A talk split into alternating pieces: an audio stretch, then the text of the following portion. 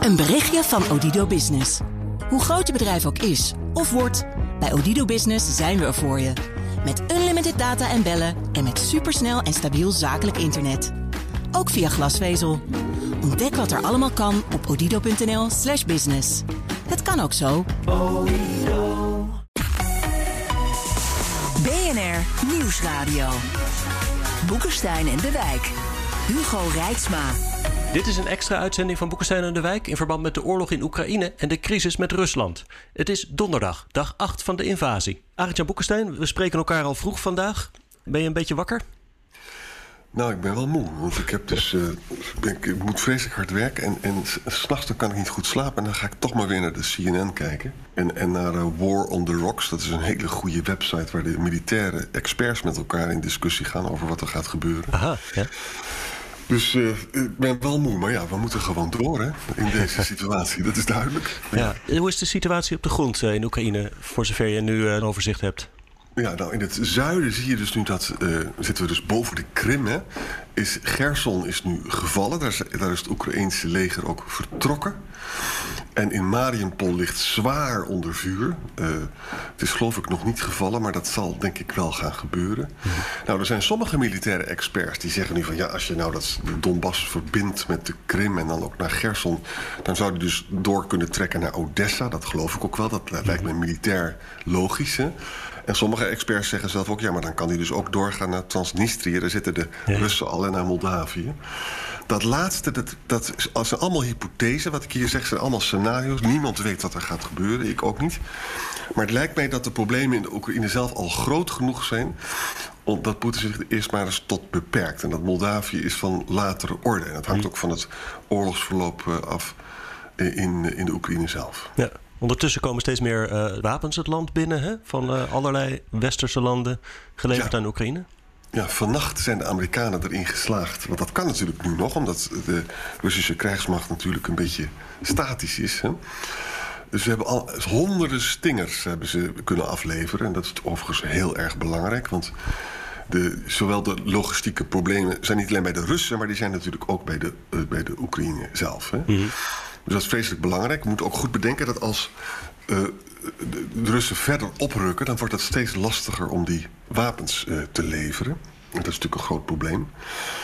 En daarmee denk ik ook, en dit is heel speculatief... Hè, dat uh, de oud-generaals Wesley Clark en zo bij CNN... die beginnen echt elke nacht over no-fly zones. Hè? Nou, we weten heel goed de argumenten daartegen. Dat betekent dus dat je de derde wereldoorlog krijgt... dat de Russische vliegtuigen en Amerikaanse vliegtuigen met elkaar geconfronteerd worden. Ja, dat kan dus dat niet, kan, toch? Er zijn er mensen die daarvoor pleiten? Ja, er zijn mensen die daarvoor pleiten. En, en dat kan dus niet. En, en het is ook heel gevaarlijk, omdat namelijk... Uh, men heeft twijfels over de mentale gezondheid van Poetin. En men denkt dus als men dat soort dingen gaat doen... dat hij op de knop gaat drukken, om het zo maar eens te zeggen. Dat is ook de reden waarom bijvoorbeeld dus de Russische kernwapens... zijn in een hogere staat van paraatheid gebracht. Dat schijnt overigens ook heel symbolisch te zijn... want dat zijn ze altijd al. Maar de, het Westen heeft daar, of de Amerikanen hebben daar niet op gereageerd. Die staan nog steeds op DEFCON 3. Dus ze proberen zo gematigd mogelijk op te treden. En dat heeft ook te maken met de nukes... en met de mentale gezondheid van Poetin. Ja, we moeten het niet te verwarrend maken voor Poetin. Als we dus wapens sturen aan de Oekraïners die daarmee Russen doodschieten en wapens verder naar het oosten in NAVO-gebied neerzetten, dan zou hij wel eens dat allemaal een beetje door elkaar kunnen halen en het als een aanval zien. Ja, maar weet je, dit is ook, alles is een dilemma hier. Hè? Stel je voor dat we dus niet uh, meer wapens zouden leveren aan, uh, uh, aan Oost-Europa. Ja, dan, dan, dan, dan, blijft daar een vacuüm bestaan. Hè? Dus mm -hmm. daar moeten we. Mijn persoonlijke opvatting is dat moet je sowieso doen, ook al dreigt hij met kernwapens. Mm -hmm. Want ik ben nog steeds de mening toegedaan dat hij moet toch nog wel rationeel genoeg zijn om die knop niet in te drukken. Want als hij dat doet, ja, dan is het Armageddon. Hè? Dus we moeten niet ons laten intimideren en Oost-Europa niet beschermen. Want dat is natuurlijk wel heel erg belangrijk. Ja. Vind je niet? De afschrikking in stand houden, maar, maar er ja. daarbij dan dus van uitgaan dat Poetin toch nog rationeel is. Anders werkt die afschrikking misschien niet. Maar, kijk, maar dan, zijn we, dan, dan gaat alles mis.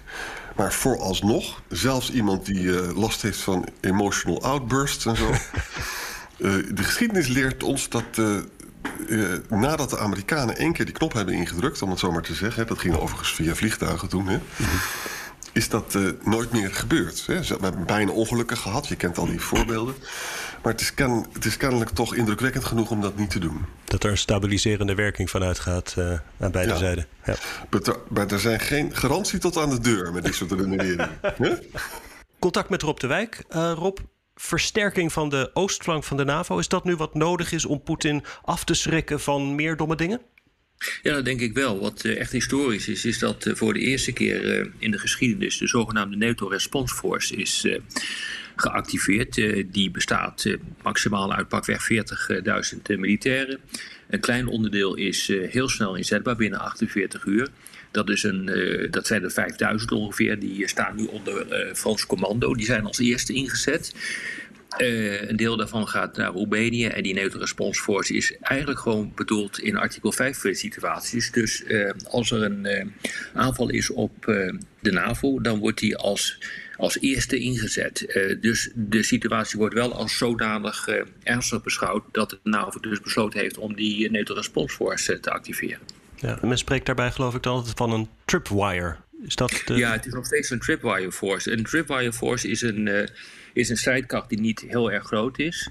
Uh, waar je een tegenstander even mee kan ophouden. En dan is de bedoeling dat uh, in die situatie je probeert op te komen tot onderhandelingen om een einde te maken aan de strijd. Als dat niet lukt, dan moet je tijd zien te winnen voor de aanvoer van nieuwe versterkingen. En als dat ook niet lukt, is het een tripwire, dus een struikeldraad in de richting van nucleair. Maar nou, we hopen dat dat nooit gaat gebeuren.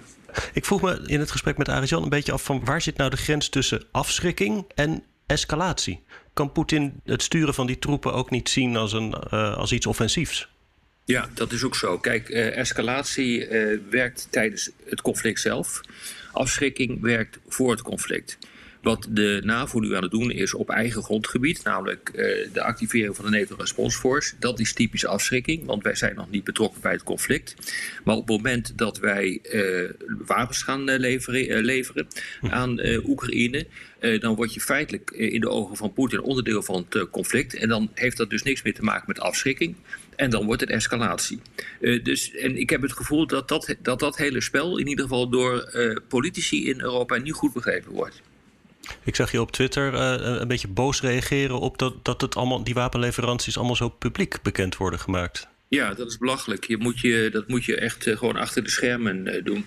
Want dat je dus heel, ja, zeg maar hele harde sancties oplegt, uh, prima. Uh, daar ben ik een groot voorstander van. En doe dat ook zoveel mogelijk uh, in de openbaarheid. Dat is niet in directe militaire bedreiging. Maar op het moment dat je, gaat, dat je wapens gaat leveren, dan wordt het wel een militaire bedreiging. Althans in de ogen van Poetin. Je moet altijd redeneren in de ogen vanuit Poetin. Mm -hmm.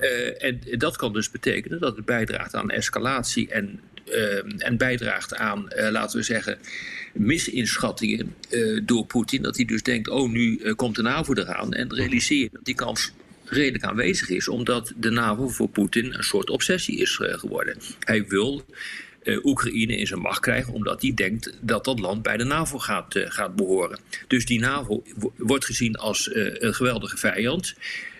en dus leidt dat heel snel tot misinschattingen over wat de NAVO aan het doen is. En dat is echt bloedlink hoor, in dit soort situaties. De NCTV uh, noemde vanochtend in een rapport het risico op, uh, op cyberaanvallen... in reactie op uh, wat Rusland dan kan zien als vijandig gedrag. Zie je dat ja, risico dat, ook?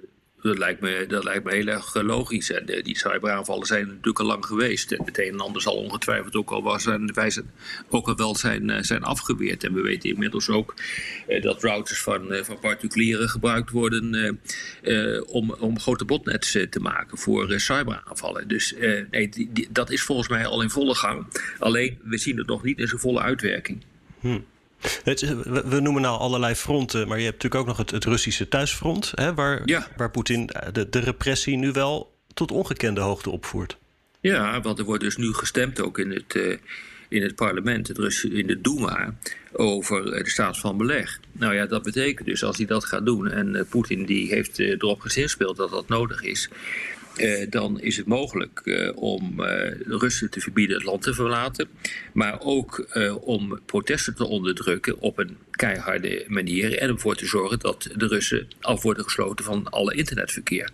En dat heeft natuurlijk alles te maken met het feit, en volgens mij hebben we het daar gisteren over gehad, dat hoe meer doden er vallen, en hoe meer dit wordt gezien als een strijd tussen, tussen Rusland en een broederstaat. Want dat is natuurlijk, realiseer je dat heel veel eh, Oekraïners eh, uh, ja, vrienden, familieleden in Rusland hebben zitten. Mhm, mhm. En dat betekent dus uh, ja, dat hier een hele rare oorlog aan de, aan de gang is. En nou ja, ik heb al eerder gezegd, dit is denk ik een grotere bedreiging op korte termijn dan die sancties. Want dit kan gewoon enorme consequenties hebben voor de steun van de bevolking, die naar het schijnt redelijk groot is, voor Poetin.